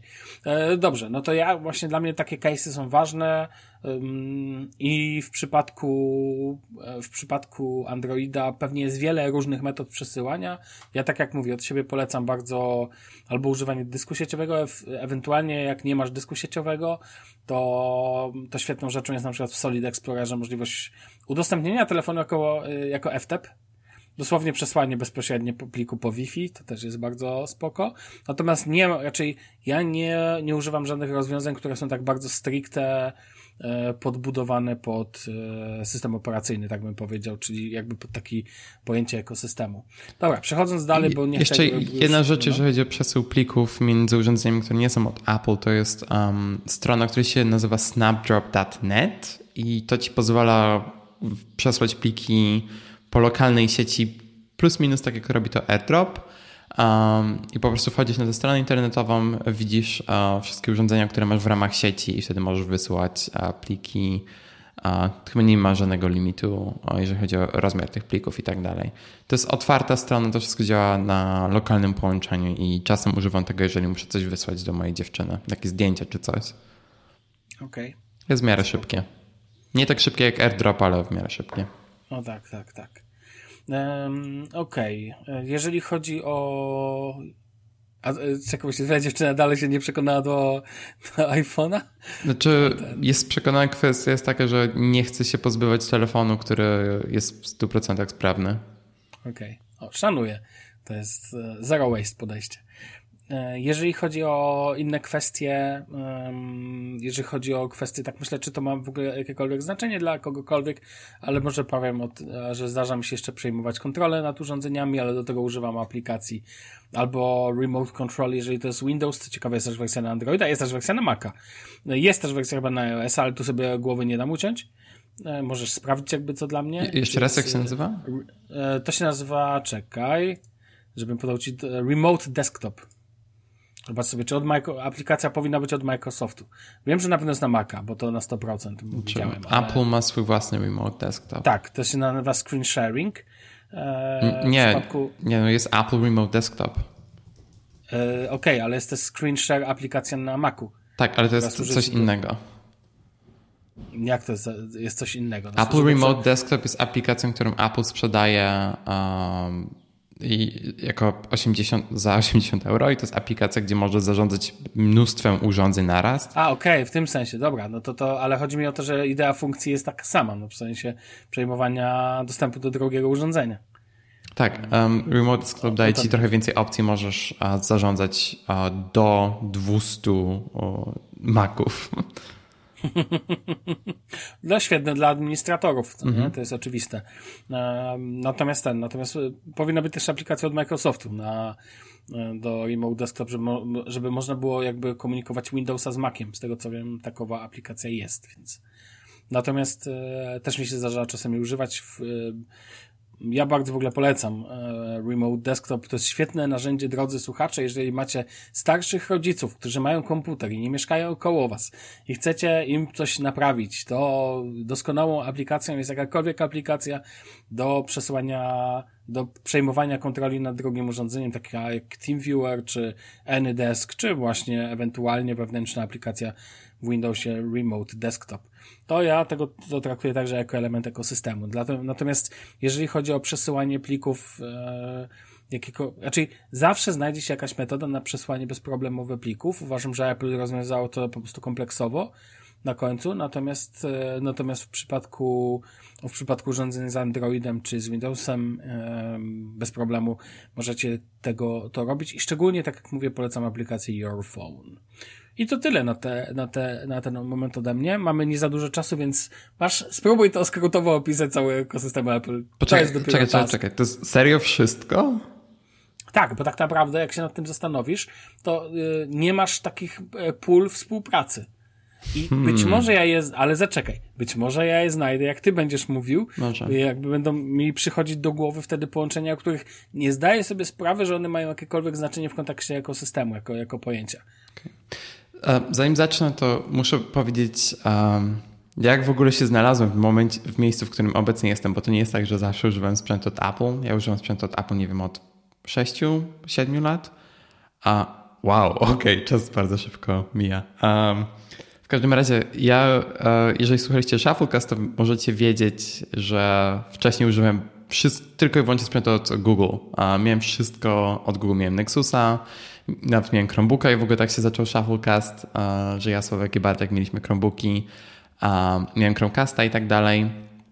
I to, co mnie skłoniło, żeby zacząć powoli przechodzić do tego ekosystemu Apple, to jest właśnie ten cały ekosystem, w sensie jak te wszystkie urządzenia ze sobą działają. I pamiętam, uh, mówiłem o tym już mnóstwo razy, była konferencja Google I.O. chyba w 2012-2013 czy coś takiego, gdzie zapowiedzieli głęb głębszą integrację między Androidem i Chrome OS i te funkcje zaczęły się pojawiać dopiero niedawno, nie wiem, może rok, dwa lata temu i to, że Google zapowiadało te wszystkie funkcje, jeżeli chodzi o integrację tych urządzeń, a tak naprawdę niewiele z tego się pojawiało, bardzo przekonało mnie do tego, żeby przejść do, zacząć korzystać z urządzeń Apple, bo tutaj jest mnóstwo tych integracji. Ale są też funkcje, o których Sławek wspomniał i których Sławek nie wspomniał, że wiem, że działają również z Windowsem, więc to nie jest tak, że te rzeczy nie są w 100% wspierane, ale z Apple jest tak, że jest tego mnóstwo i mam ogromną listę tych rzeczy i nie, nawet nie zdążę o tym wszystkim wspomnieć, bo to nie jest tylko, jeżeli chodzi o sam hardware, ale to jest również wiele rzeczy, które idą razem z usługami, które Apple ma w swojej ofercie, które jakby łączą te wszystkie urządzenia i dodają wiele funkcji. Um, najpierw chcę powiedzieć o funkcjach, które są związane z Continuity i Continuity to jest ogólnie zestaw funkcji, które zostały dodane z e, ISM 8 i potem z macOS um, Mavericks oraz macOS Yosemite, czyli ten, który kompletnie zmienił wygląd systemu. I to są rzeczy takie jak handoff. I to jest um, to, co Sławku zacząłeś mówić, jeżeli chodzi o, przegląda- o karty w przeglądarkach. Na przykład. I po pierwsze, jeżeli używasz Safari, um, to wtedy masz dostęp do tych wszystkich e, od, obecnie otwartych kart na wszystkich urządzeniach i możesz się przełączać między iPhone'em, iPadem i widzisz jakby wszystkie twoje otwarte karty. To jest bardzo łatwe w zarządzaniu. Um, ale co ciekawe, jeżeli nawet nie korzystasz z twojej domyślnej przeglądarki, na, na przykład ja mam taką samą sytuację jak ty, gdzie um, do pracy używam innej przeglądarki, używam Brave'a, to wtedy obecnie otwarta karta wyświetli mi się na dole iPhone'a czy tam iPada jako proponowana, proponowany link do otwarcia, bo to jest obecna rzecz, nad którą pracuję na iPhone'ie. I to nie tyczy się tylko przeglądarek, ale tyczy, tyczy, się również innych treści. Więc na przykład jeżeli teraz na Macu mam otwartą aplikację Notability i to jest aplikacja do robienia notatek w um, po prostu rysowanie jakichś notatek i tak dalej, to wtedy na iPadzie mam w doku ikonę, żeby również otworzyć tę aplikację i wtedy mam otwarty ten plik, nad którym obecnie pracuję. I to działa z bardzo dużą liczbą aplikacji e, typu mail. Um, to działa również ze stronami internetowymi, więc na przykład jeżeli przeglądacie jakąś stronę internetową i ta strona internetowa ma aplikację, um, nie wiem, na przykład, nie wiem, czy Disney, Disney, Plus chyba to wspiera, więc jeżeli przeglądacie stronę na Disney Plus z jakimś filmem, to możecie automatycznie ją włączyć na waszym iPadzie czy na iPhone'ie przez ikonę, która jest w, w doku. W doku albo w, w przypadku iPhone'a ona jest w, jak się nazywa, menu multitaskingu. W iOSie 8 to było nawet tak, że była ikona na ekranie blokady i szczerze mi trochę tego brakuje. To chyba było do iOSa 10 i potem się z jakiegoś powodu tego pozbyli, co jest dosyć irytujące, bo obecnie jedyne miejsce, gdzie macie ten handoff to jest właśnie tylko w e, menu multitaskingu. I ten handoff działa z mnóstwem, z mnóstwą liczbą, e, z ogromną liczbą aplikacji, stron internetowych i tak dalej. I działa to również z Apple Watchem, więc jeżeli dostaniecie powiadomienie na Apple Watchu na przykład o wydarzeniu w kalendarzu, to możecie szybko go otworzyć na iPhone'ie, jeżeli chcecie na przykład dodać jakieś zmiany do tego e, wydarzenia i tak dalej. I handoff jest świetną funkcją i um, działa bardzo, bardzo sprawnie. Um, tak. Uh, Kolejna rzecz, o której mogę wspomnieć, jest Instant Hotspot. I wydaje mi się, że to jest coś, co również działa na Windowsie, bo chyba Sławko nawet mi kiedyś o tym wspomniałeś, e, gdzie byłeś u mnie, gdzie można automatycznie włączyć hotspot z innego urządzenia Apple, które jest podłączone do waszego konta. I co ciekawe, to działa zarówno jeżeli macie iPhone albo iPada, który ma połączenie, połączenie telefoniczne, ale to działa również dla ludzi, którzy, są w, w, ramach waszego iCloud Family Sharing. Więc jeżeli um, moi, nie wiem, moja mama albo mój brat um, są gdzieś w pobliżu mnie i potrzebują dostępu do hotspota, to po prostu mogą wywołać uh, hotspot z mojego iPhone'a, ja muszę tylko dać im dostęp i tyle. Mają uh, dostęp do hotspota uh, ze swoich urządzeń. I to jest część w ogóle wielu, wielu funkcji, które są oferowane przez Family Sharing w ramach um, iClouda. Tak nie chcę czegoś pominąć. z innych ciekawych rzeczy jest na przykład... To, to czekaj, pozwól, że tylko małe adwoce. Sprawdziłem też, słuchając cię, funkcję tą kopiowania i wklejania mhm. i to działa w obydwie strony, także dla zdjęć, ale nie działa jedna rzecz. Mianowicie, jeżeli skopiujesz na telefonie zdjęcie, może się wkleić na przykład do tekstu, nie wiem, w Wordzie, rozumiesz? Ale nie możesz go wkleić, jakby nie mam funkcji aktywnej, że możesz go wkleić po prostu na pulpicie jako plik. Rozumiesz, jakby go w ten sposób kopiujesz go na telefonie, nie możesz go wkleić do eksploratora, natomiast możesz go wkleić na przykład do Telegrama, gdzie sobie on do, pójdzie do czata. Taka hmm. ciekawostka. No i, ale w drugą stronę działa całkowicie, czyli jakby jak skupisz na Windowsie, to na, e, w tym, na Androidzie możesz normalnie wkleić zarówno tekst, jak i zdjęcie. Jak i plik też. No to jest okay. jedna z moich ulubionych funkcji właśnie, że mogę wklejać, wklejać pliki. No, Universal Clipboard to jest właśnie kolejna funkcja. No de facto Universal Clipboard. Tak i to właśnie działa między wszystkimi urządzeniami iPad, iPhone, Mac. O, nie działa to oczywiście na Apple Watchu z wiadomego powodu. Chociaż może nie, nie, nie, nie, Nawet nie ma opcji, żeby wkleić cokolwiek na Apple Watch, ale to byłoby dosyć ciekawe. Chociaż nie, teoretycznie jest funkcja na Apple Watchu, która pozwala ci odpalić klawiaturę na iPhone'ie, więc jeżeli jesteś w polu tekstowym na Apple Watchu, to możesz użyć klawiatury na iPhone'ie, żeby coś wpisać, co również działa na Apple TV. Teoretycznie jesteś w stanie wkleić tam rzeczy, więc teoretycznie możesz używać Universal Control, Universal Clipboard na Apple Watchu, jeżeli bardzo tego chcesz. Um, tak, dalej z ciekawych rzeczy jest na przykład Apple Pay. Um, nie wszystkie Maki nadal, nie wszystkie Maki, tak na przykład ten iMac, z którego Sławek miał okazję korzystać, nie mają Touch ID. I w tym momencie co robicie, jeżeli chcecie korzystać z Apple Pay? Możecie wtedy użyć handoff i wtedy używacie Apple Pay czy z waszego iPhone'a, czy z Apple Watcha. Macie dostęp do wszystkich kart, które macie dodane do tych urządzeń. I co ciekawe, działa to również z, uh, w drugą stronę. Jeżeli na przykład macie passbooka, którego chcecie dodać do Apple Wallet, uh, możecie to zrobić z waszego Maca. Uh, I to jest bardzo fajne. Na przykład, jeżeli macie, nie wiem, bilet lotniczy, czy tam kartę pokładową i tak dalej, i chcecie ją dodać do waszego iPhone'a, to możecie po prostu ją dodać na Macu i wtedy macie taką fajną animację, jak ten bilet leci do waszego telefonu. Więc tego typu rzeczy są też bardzo fajne, jeżeli chodzi o integrację między tymi wszystkimi urządzeniami. Wspomnieliśmy już o SMS-ach i połączeniach telefonicznych. To jest w miarę standardowa rzecz i to działa bez problemu, jeżeli chodzi o połączenie z iPhone'em, z Maciem i z iPadem. Markup to jest funkcja, która działa najlepiej z iPadem, ale są też niektóre rzeczy, które działają z iPhone'em. Więc jeżeli e, korzystacie z Maca i na przykład chcecie podpisać jakiś dokument czy coś takiego i oczywiście jesteście fancy pants i chcecie użyć waszego iPada, to macie taką opcję. Jeżeli używacie preview, możecie wywołać markup na waszym iPadzie i um, podpisać dokument przy użyciu Apple Pencil czy uh, waszego palca i tak dalej. To jest jedna rzecz. Uh, markup działa również z funkcją, która się nazywa Continuity Camera i to pozwala Wam użyć e, kamery na e, Waszym e, iPodzie, iPhone'ie albo na iPadzie. Wtedy na przykład możecie zrobić zdjęcie, zeskanować dokument, czy dodać jakiś rysunek i po prostu wywołujecie to z, w dowolnym miejscu w macOS. Po prostu wciskacie prawy przycisk myszy albo tak jak wspomnieliśmy wcześniej, e, control e, click i wtedy macie opcję e, wywołać kamerę w, na waszych czy na waszym iPadzie, czy na iPhone'ie.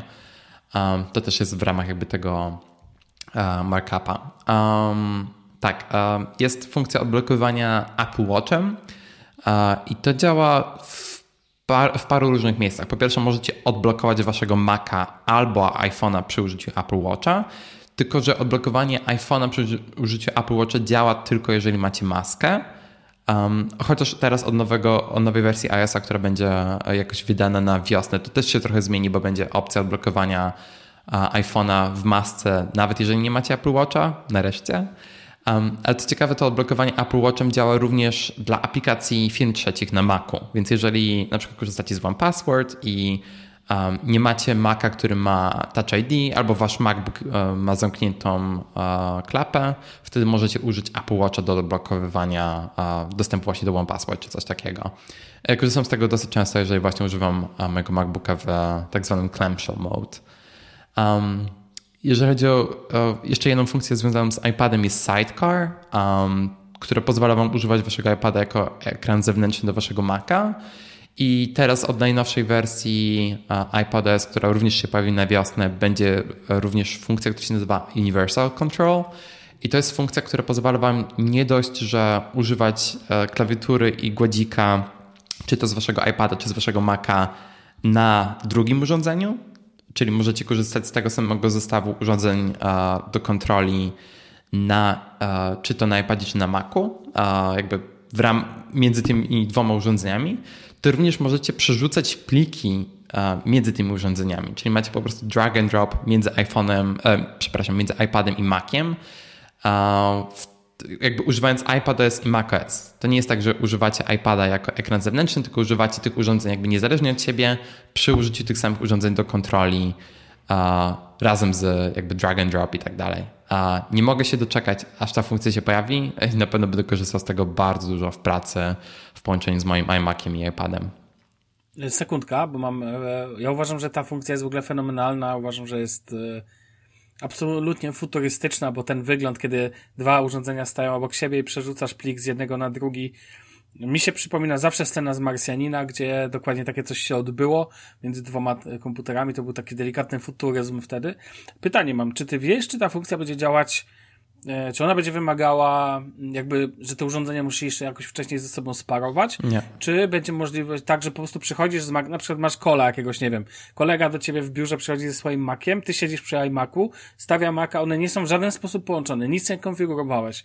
Kładzie obok siebie i przerzucisz plik. E, to musi być to samo bo... Apple ID. A to szkoda, bo właśnie mi chodzi o taką funkcję, że to jest, bo ja często jadę do klienta i na przykład muszę przerzucić ze swojego komputera na jego komputer coś. Oczywiście pomijając, że to jest Windows, tam takiej funkcji w ogóle nie ma.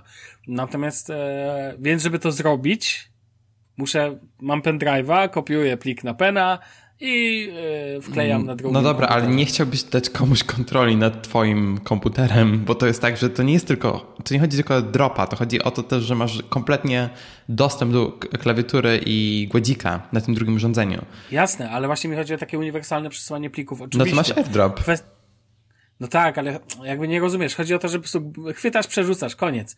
Tak to pokazali w Marsjaninie. Ja cały czas czekam na ten motyw. Tam te komputery nie były w żaden sposób ze sobą sparowane, rozumiesz? Obydwa muszą być odblokowane oczywiście, obydwa muszą być stać obok siebie. Coś jak NFC, no rozumiesz? Dobra, niech będzie po drodze jeszcze jakiś plika... Yy, akceptacji, tak? Czy przesyłanie po Bluetooth, no w sensie, ale chciałbym, czy tak jak mówisz, po AirDropie, tylko chciałbym, żeby to zadziałało tak po prostu Rozumiesz, chwytasz, opuszczasz. To jest w ogóle dla mnie fenomenalne e, w swojej prostocie, a, ale to i tak jest super funkcja dla jasności. Nawet jak masz jeden ten, no to dalej zastosowanie tego jest mega, że z tego co rozumiem, on będzie czuł, gdzie co stoi, tak? Jakby to będzie oczywiste. Nie, nie, nie, nie, nie. Na... To, nie to, to jest znacznie prostsze, bo to byłoby dosyć skomplikowane, biorąc pod uwagę, że te urządzenia mają tylko Bluetooth. Jeżeli to byłoby ultra wideband, to mogliby no zrobić właśnie, coś tak, takiego. Tak, tak wydaje mi się, a to działa tylko po Bluetoothie i to działa w taki sposób, że na przykład jeżeli twój Mac wykryje, że zaczynasz, um, że twój kursor idzie do krawędzi ekranu, gdzie mógłby stać iPad, gdzie na przykład nie masz ekranu zewnętrznego, to wtedy wyświetli ci się taka, taki pasek i wtedy możesz jakby przerzucić myszkę do, na tego iPada i wtedy możesz to dostosować, jeżeli twój iPad nie jest po tej stronie Maca czy coś takiego. To nie jest, wiesz, jakaś magia i tak dalej. To jest po prostu dosyć um, proste rozwiązanie. Łe, ja myślałem, że już że speł, Apple spełniło to i w końcu zrobiło magię. Tyle o tym mówili tyle razy. A ten... no okej, okay, ale i tak to jest to fenomenalna funkcja, więc jakby e, w ogóle uważam, że wiesz, świetne i ja poproszę to 7 razy. No, nie mogę się doczekać właśnie, aż to będzie dostępne. To jest znacznie ciekawsze moim zdaniem niż Sidecar, bo a, jednak ekran w iPadzie jest dosyć mały, przynajmniej w tym, którego ja mam i w sensie to jest ok, na przykład jeżeli um, e, nie wiem, robić coś w Xcode i mam iPada po prostu obok, żeby mieć otwarte Apple Books, gdzie mam um, poradnik, co muszę zrobić tak naprawdę. A wtedy używam właśnie tego um, iPada jako zewnętrzny ekran, ale to nie, jednak nie działa tak sprawnie i jestem ciekaw jak właśnie jak ten Universal Control um, się sprawdzi. Tak, ale idąc dalej, bo nie mamy za wiele czasu, a to jest tylko połącz... Właśnie... tylko Mac tak naprawdę. Znaczy ja tak sobie myślę, czy nie powinniśmy zakończyć i nie powinniśmy zrobić drugiej części za dwa tygodnie po prostu. Wiesz, jest jeszcze parę rzeczy, o których mogę tak na szybko wspomnieć. Um... Dobra, bo po prostu chodzi o to, że ewentualnie ja może coś znajdę jeszcze z tematu z, w kontekście ten, ale okej, okay, to Wiesz, ja tak naprawdę ledwo co liznąłem No wiem, temat, dlatego że tak uważam, tak że nie ma, co, nie ma co się tu spinać. Myślę, że słuchacze nam wybaczą, jak podzielimy to na dwa odcinki po prostu i tyle. E, więc powiedz jeszcze ile masz czasu, czyli w sensie powiedz tyle, ile jeszcze zdążysz, a resztę zrobimy za dwa tygodnie. Jasne. A, tak, co ciekawa funkcja, która została dodana e, niedawno w e, aktualizacji do Monterey to jest e, AirPlay do Maca, czyli tak jak możecie używać AirPlay czy do waszego telewizora, czy do Apple TV, można to też zrobić teraz na do Maców. I to działa z wideo, z audio i tak dalej. Wtedy po prostu macie um, iPhone'a widocznego na Macu jako źródło uh, audio czy wideo i tak dalej. Um, to jest bardzo... Wiesz, że ciekawostka, mm, Philipsy nie wspierają AirPlaya. E, wiem, dlatego nie mam ja Philipsa. No. Tak, i to jest bardzo fajne, bo też możecie to dostęp, udostępnić dla Maców, które nie są wasze. Więc jeżeli chcecie udostępnić, tak jak przykład, który dał Sławek, jeżeli podchodzicie do kogoś biurka i chcecie mu pokazać, nie wiem, jakiś film czy coś, to możecie to zrobić przy użyciu e, tej funkcji. Oczywiście ta osoba musi zgodzić na udostępnianie i tak dalej, ale to jest um, bardzo fajna funkcja. Um, bardzo wiele rzeczy, tak jak zacząłem o tym wspomnieć, bardzo wiele rzeczy, jeżeli chodzi o ekosystem Apple, opiera się o iClouda. Um, oczywiście jest iCloud Photo Library, który działa bardzo podobnie do Google Photos i tak dalej. To też ma, jest bardzo głęboko z, uh, integrowane z systemem. Na przykład w wielu aplikacjach, uh, nie wiem, jak Pixelmator i tak dalej, czy Final Cut, macie dostępne iCloud Photo Library jako źródło, z którego możecie bardzo szybko przenieść pliki. To jest też bardzo wygodne i um, na, na komputerach z M1 ta biblioteka ładuje się bardzo szybko. Na komputerach z Intelem z jakiegoś powodu dla mnie się to zawsze długo ładowało, więc nigdy z tego nie korzystałem. Teraz na M1 wydaje się, że a, dopracowali prędkość tego a, do stopnia, gdzie to jest a, e, rzeczywiście używalne. I oczywiście iCloud Drive jest też ogromną, e, ogromną częścią tego, jak to wszystko się ze sobą synchronizuje. Um, I na macOS um, również są synchronizowane foldery Documents i Pulpit czy dokumenty i pulpit, więc te rzeczy, które macie w tych folderach, macie dostępne na wszystkich urządzeniach. I to jest coś, z czego ja bardzo korzystam, szczególnie jeżeli chodzi o pulpit, bo na przykład zaczynam pracować nad czymś w pracy, jak jestem w biurze i dla mnie wszystkie dokumenty zawsze lądują na pulpicie, zanim coś z nimi zrobię. I potem, jeżeli wrócę do domu i cały czas chcę, chcę coś z nimi zrobić, to mam je dostępne na pulpicie i mogę je bardzo szybko przerzucić na tam, gdzie muszą być. Um, to jest coś, co też bardzo lubię. Um, no i oczywiście są um, rzeczy e, typu, wiesz, wszystkie inne usługi od Apple. Apple Music, Apple Podcasts, Apple Books i tak dalej. Te wszystkie rzeczy oczywiście się synchronizują między urządzeniami, ale to, jest, to nie jest jakby nic nadzwyczajnego, wydaje mi się, biorąc pod uwagę, jak to również działa w ekstremie Google i tak dalej. Um, co jest bardzo fajne, co jest taką usługą samą w sobie jest Find My i to ile funkcji zostało dodanych do Find My w, w ciągu ostatniego roku czy dwóch lat jest niesamowite i to, ta cała sieć urządzeń uh, którą Apple zaczęło wypuszczać tak naprawdę w ciągu ostatnich dwóch lat, w sensie, że wszystkie urządzenia tworzą tę sieć, sieć urządzeń Find My, więc jeżeli coś zgubić, jest, jesteś w stanie to bardzo łatwo znaleźć, bo te wszystkie urządzenia się ze sobą komunikują. Um, to oczywiście wcześniej jeszcze do, Find My po prostu działał jako aplikacja do wyszukiwania Twoich znajomych czy rodziny. Um, po prostu mogą oni sobie wybrać urządzenia, po których chcą być lokalizowani i też możesz wybrać a czy chcesz dzielić się lokalizacją ciągle, czy na jakiś konkretny czas, więc to też jest bardzo wygodne, jeżeli po prostu chcesz się spotkać z jakąś osobą, możesz jej wysłać lokalizację i wtedy są w stanie to zobaczyć w, aplik w aplikacji wiadomości czy w aplikacji Find My. Um, to też z rodziną masz parę dodatkowych funkcji. Oczywiście domyślnie widzisz wszystkich członków twojej rodziny, gdzie są, ale również widzisz urządzenia. Więc jeżeli na przykład zgubią swoje urządzenie, to nie jest tak, że muszą się logować na a, stronie iClouda czy coś. Po prostu jest, są ich urządzenia widoczne domyślnie w twojej aplikacji Find My, więc zawsze wiesz, gdzie, a, gdzie mogą je znaleźć.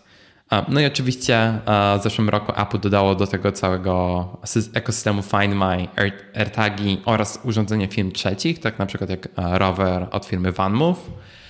I to, jak przydatne są AirTagi, to jest niesamowite. I ta integracja właśnie z AirTagami e, działa do takiego stopnia, gdzie nawet możecie dodać widget na waszego iPhone'a czy Maca, gdzie widzicie lokalizację konkretnego AirTaga i to jest super, bo na przykład ja mam e, e, non-stop paranoję, że ktoś mi ukradnie rower, gdy jestem w pracy. I po prostu na iMacu w pracy mam widget, który wygląda identycznie jak ten widget, który mam na iPhone'ie, e, gdzie mogę zobaczyć na żywo, gdzie jest mój rower. To jest niesamowite i mega, mega to lubię. Um, tak, i jeszcze na. Tak, tylko powiem Ci tyle, że też uważam, to jest jedna z najciekawszych funkcji, jakie w ogóle są. I ona naprawdę wiąże się z pewnym ograniczeniem bezpieczeństwa, no bo pewnie czytałeś ostatnio artykuły tak. o e, AirTagach, raczej no, to jest głębszy temat, który uważam, że warto w tym kontekście też poruszyć, ale może nie na teraz faktycznie, natomiast e, natomiast tu trzeba się godzić z pewnymi rzeczami. To się ładnie tu nazywa Sicherheit Luke, E, po prostu jest dziura w bezpieczeństwie, tak totalnie i... No ale dobra, nieważne. A je, przypomniałeś mi, że ja oczywiście nie poruszyłem w ogóle całej aplikacji SmartThings od Samsunga, którą w ogóle ominąłem, ale jakby nie myślałem o, o ekosystemie w kontekście urządzeń bardziej smart home, jakby to jest... Tak, znaczy dla mnie to jest też kompletnie inny temat, bo też um, na przykład mam tutaj na mojej liście, wiesz, Apple TV i mój telewizor z HomeKitem i tak dalej, to jest wiesz, sam, temat w sam sobie tak naprawdę, jeżeli chodzi o smart home, ale też mieliśmy o tym dedykowany odcinek tak naprawdę, więc tak, tak, tak. Um, to sporo z tych rzeczy już omówiliśmy. A jeszcze jedna rzecz, o której bardzo chcę wspomnieć, to są słuchawki um, od Apple, um, czy AirPods, czy Beats. Jakby integracja z tymi słuchawkami w, ekosystemie, w tym całym ekosystemie Apple jest na świetnym poziomie. Samo to, że możesz zobaczyć stan baterii, czy, słuchaw czy pojedynczych słuchawek, czy e, etui, to jest jedna rzecz. To jest, wydaje mi się, że dosyć proste i um, to jest dosyć normalne, jeżeli chodzi o um, urządzenia innych um, producentów. Ale wiesz, masz również integrację z Find My, czyli te słuchawki są widoczne na Twoim koncie. Też jestem w stanie znaleźć słuchawki uh, członków mojej rodziny, zarówno dla AirPodsów, jak i dla słuchawek Beats. Chociaż w przypadku AirPodsów to e, możesz używać Precision Finding, tak jak dla AirTagów. Um, czy, czy to nie jest Precision Finding, ale to dosyć, uh, masz podobny interfejs. Um, masz oczywiście automatyczne przełączanie się między urządzeniami, które wydaje mi się, że trochę się poprawiło. W sensie już nie mam z tym aż tak dużych problemów, jak miałem na początku i teraz jest to dosyć inteligentne, jeżeli chodzi o przełączanie się między tym. I moja ulubiona funkcja to jest audio sharing, więc jeżeli masz kompatybilne słuchawki AirPods albo Beats, um, to możesz się podłączyć do uh, jednego iPada albo do jednego iPhone'a uh, i wtedy na przykład możesz oglądać filmy, możesz niezależnie kontrolować uh, noise cancelling czy i głośność i tak dalej. Jedyne, co bym, czego kompletnie nie rozumiem, to jest to, dlaczego tej funkcji nie ma na Macu. W sensie, jeżeli chcę obejrzeć coś na słuchawkach, kiedy jestem w pociągu i tak dalej, to prawdopodobnie chcę to zrobić na Macu niż na moim iPhone'ie. W sensie, to jest jeden powód, dla którego głównie podróżuję z iPadem, a nie z Maciem. Nawet teraz, kiedy mam 14-calowego MacBooka, który jest idealny, jeżeli chodzi o rozmiar i tak dalej, to cały czas wolę iPada, bo iPad wspiera tę funkcję, więc jeżeli gdziekolwiek podróżuję z moją dziewczyną, to zawsze biorę moje Beatsy i AirPodsy i o, to jest mega, mega wygodna funkcja. I... Prawda jest taka, że jak będziesz wybierał e, samochód ewentualny, to wszelka, e, wszelki, wszelka współpraca z urządzeniami będzie pewnie dla ciebie też kluczowym elementem. Dlatego myślę, że Tesla to jednak nie, tak jak mówiłem. W sensie dla mnie, wiesz, be, jeżeli chcę mieć samochód, który jest, wspiera jak największą ilość funkcji związanych z ekosystemem Apple, BMW. W sensie nie mam innej opcji. BMW... Ale to tak zabawne trochę, że niemiecka firma wspiera lepiej Apple niż amerykańska firma, nie? Czy ja wiem? W sensie wydaje mi się, że to wcale nie jest takie. Mm, w sensie, bo wiesz, przez to, że to są dwie amerykańskie firmy, to one konkurują ze sobą. A jeżeli... Jak Apple może konkurować z Teslą, przepraszam? No. no przepraszam, Apple konkuruje z Google, Apple konkuruje z Microsoftem i tak dalej. W sensie to nie... No tak, to tak, ale z Teslą? No tak, no bo to jest amerykańska firma. Znaczy wiesz, to jest, to jest bardziej problem tego, że Elon nie jest zbyt... Um, w e, po angielsku jest takie fajne słowo keen, a mhm. Elon nie jest za bardzo keen, żeby współpracować z Apple. Ale wiesz, Car, CarPlay, jakby właśnie ten Car Key, który jest w, w ramach Apple Wallet, to też jest super rzecz i te rzeczy są wspierane w BMW. Właśnie masz Car Key, gdzie możesz uh, nawet udostępnić komuś dostęp do swojego samochodu. Po prostu wysyłasz im airdropem kluczyk do twojego samochodu na określony czas. To jest super. Nawet możesz ustawić limit prędkości i tak dalej. Uh, to jest tak super rzecz. Właśnie BMW to ma, BMW oczywiście ma CarPlay, jak 99% samochodów, które nie są Teslą. Um, więc tak. No kurczę, jeszcze w BMW, tym Hyundai i30, który nie jest jakiś fancy i tak dalej, obecnie w... Znaczy bardzo ładne są Hyundai przez No Hyundai 30, tak, no wiesz, to nie jest jakiś drogi samochód i CarPlay działa świetnie w tym samochodzie. Jedyne, czego nie ma, to jest wireless CarPlay, um, ale to jest starszy model Hyundai 30, ten nowszy model to wspiera. Um, a poza tym jakby ten samochód jest spoko. Mhm.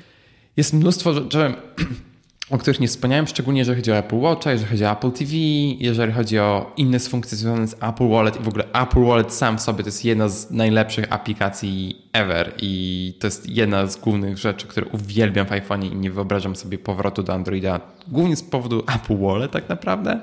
A co tam jest, przepraszam, ale co tam jest takiego wyjątkowego? Bo ja tego trochę nie rozumiem, bo słucham często, no to jest wyjątkowe to, ale dlaczego? To, co w tym wiesz, jest takiego ekstra? Ten e, Google Pay Wallet, czy jakoś się tam nazywa, wiesz, wspiera karty no. płatnicze i boarding tak. passy dla niektórych e, linii lotniczych, nie dla wszystkich. Um, to Apple Wallet wspiera dosłownie każdą linię lotniczą, którą możesz sobie wyobrazić. Może jakichś chińskich linii nie wspiera i tak dalej. Poza tym możesz dodawać... Jak często latasz, Daniel? Jak często latasz? To okej. Okay. To jest jedna rzecz. Boarding passy do samolotów. Poza tym masz bilety do Deutsche Bahn na przykład. Deutsche Bahn jednak korzystam trochę wcześniej, e, częściej. Masz bilety BVG, bo BVG również to wspiera. Um, masz e, teraz od iOS-a, najnowszej wersji iOS-a będziesz miał również um, twoje certyfikaty szczepień e, na COVID. E, masz bilety na wydarzenia, masz karty lojalnościowe, właśnie masz klucze do domu, do samochodu, do pokoju hotelowego i tak dalej. Jest ogromna liczba rzeczy, które działają w ramach tego. Oczywiście część z tego działa również z w Google. Europie? Tak, tak. Tak jak mówię.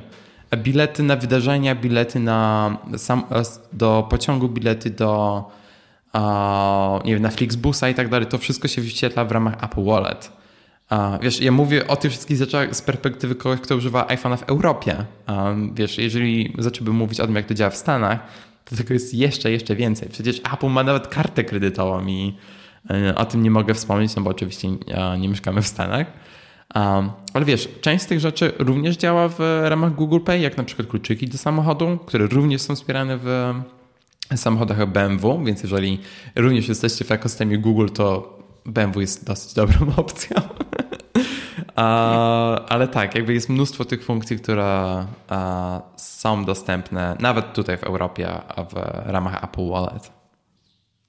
Patrzę właśnie, jakie transporty publiczne są dostępne w ramach Google Pay, no bo są też oczywiście. E, jest na przykład jakieś rzeczy na Słowacji, ale nie widzę faktycznie póki co BVG. Bf, Bf, nie BVG działa inaczej. To jest, e, jeżeli, to nie jest tak, że masz już e, pas, to, to nie jest na przykład tak jak w Japonii, gdzie masz kartę Suica, czy mhm. w Waszyngtonie, gdzie masz po prostu ich lokalną kartę. To jest tak, że jeżeli kupisz bilet przez aplikację BVG Tickets, która jest w ogóle świetnie zaprojektowaną aplikacją, a możesz po prostu dodać Twój aktywny bilet do aplikacji Apple Wallet. To jest bardzo przydatne, szczególnie jeżeli masz jakiś bilet dobowy. A możesz dodać takiego. do Google, czy nie? Bo tam pewnie widzisz w aplikacji, czy możesz. A jak, miał, jak miałbym to widzieć na telefonie z iOS?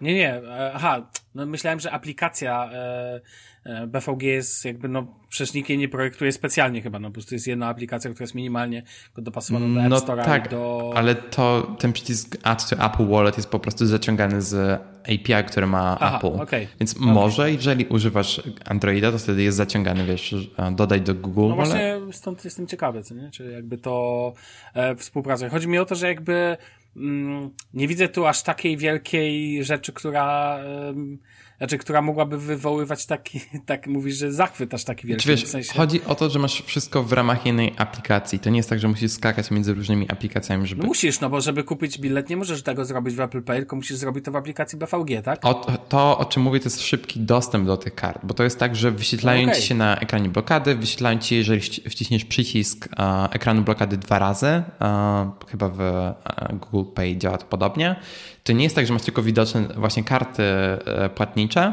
ale masz również widoczne wszystkie twoje karty lojalnościowe, aktywne bilety. Nie wyświetla ci wtedy nieaktywnych biletów, co też oczywiście ma bardzo dużo sensu. Jak masz wiesz, wszystko w jednym miejscu, które możesz bardzo szyb, e, do którego masz bardzo szybki dostęp. I oczywiście te wszystkie rzeczy też synchronizują się z Twoim zegarkiem. Um, I tak jak wspomniałem wcześniej, jeżeli masz jakąś kartę pokładową, lojalnościową i tak dalej na Macu i chcesz ją wysłać do iPhone'a, to też to jest jeden przycisk. Um, wiesz, chodzi o tego typu integrację i to naprawdę, naprawdę działa fajnie i jest do tego szybki dostęp. Okej. Okay. E, dobrze, chcesz dodać coś jeszcze, czy... Wiesz, chciałbym dodać mnóstwo rzeczy, ale nie mam czasu i właśnie dziewczyna wysłała no to, mi... No to tym bardziej, e, tym bardziej zastanów się jeszcze co i ja uważam, że pociągnijmy temat jeszcze za dwa tygodnie. Ja pewnie jeszcze zbiorę jakieś swoje uwagi co do tego, bo nastroiłeś mnie kilkoma rzeczami, ale nie chciałem się już przerywać. Dobrze, to zobaczymy zresztą, co jeszcze się pojawi w kolejnym odcinku. Na dzisiaj to wszystko. E, drodzy słuchacze, zapraszamy Was do followowania naszego podcastu, gdzie tylko chcecie. E, Daniel zaraz powie, że byleby nie na Spotify, nie słuchajcie na, Spotify. Ja powiem, że no nie, jak już tym, słuchacie tym, nas... Tym bardziej teraz to w ogóle nie słuchajcie na, na Spotify. Ja w ogóle myślę, czy nie wyrzucić, nie usunąć na Spotify. Spokojnie, ja zablokuję tą, tą nie, to się nie wydarzy, nie. No nie, nie serio, po tym co Spotify teraz odwala, Mm, no nie. Dalej dużo ludzi tam, e, dużo ludzi ten, bądźmy dostępni, nie zamykajmy się, natomiast e, to jest podstawowa kwestia, ale to jest, wiesz... Nie słuchajcie nas temat. przez Spotify. Nie słuchajcie, możecie wybrać po prostu inną platformę, lepiej jeżeli robicie to z wyboru, natomiast e, czekamy oczywiście na wasze recenzje, Im bardziej konstruktywne, tym milej, ale jak macie niekonstruktywne, to proszę bardzo, możecie też pisać. Ja nikomu nie bronię, Daniel pewnie też nie. E, jeżeli wam macie jakieś uwagi, e, chcecie, żebyśmy coś poprawili albo zmienili na coś jeszcze lepszego, dawajcie nam znać. Znajdziecie nas także na Twitterze Dobre Rzeczy Tech oraz Daniela znajdziecie Demarcinkowski Podłoga, mnie Sławek Agata pod tymi nikami. No i cóż, słyszymy się w kolejnym, w kolejnym odcinku, to już jakoś za dwa tygodnie, gdzieś zobaczymy jak to będzie. Chcesz coś dodać na koniec? A, to wszystko, tylko mogę wspomnieć, że a, je, wiem, że nie wspomniałem o bardzo wielu rzeczach i postaram się to nadrobić i ten ekosystem Apple jest bardzo, bardzo złożony. Okej. Okay. Dzięki wielkie, trzymajcie się, do usłyszenia, na razie, cześć. Do usłyszenia, cześć.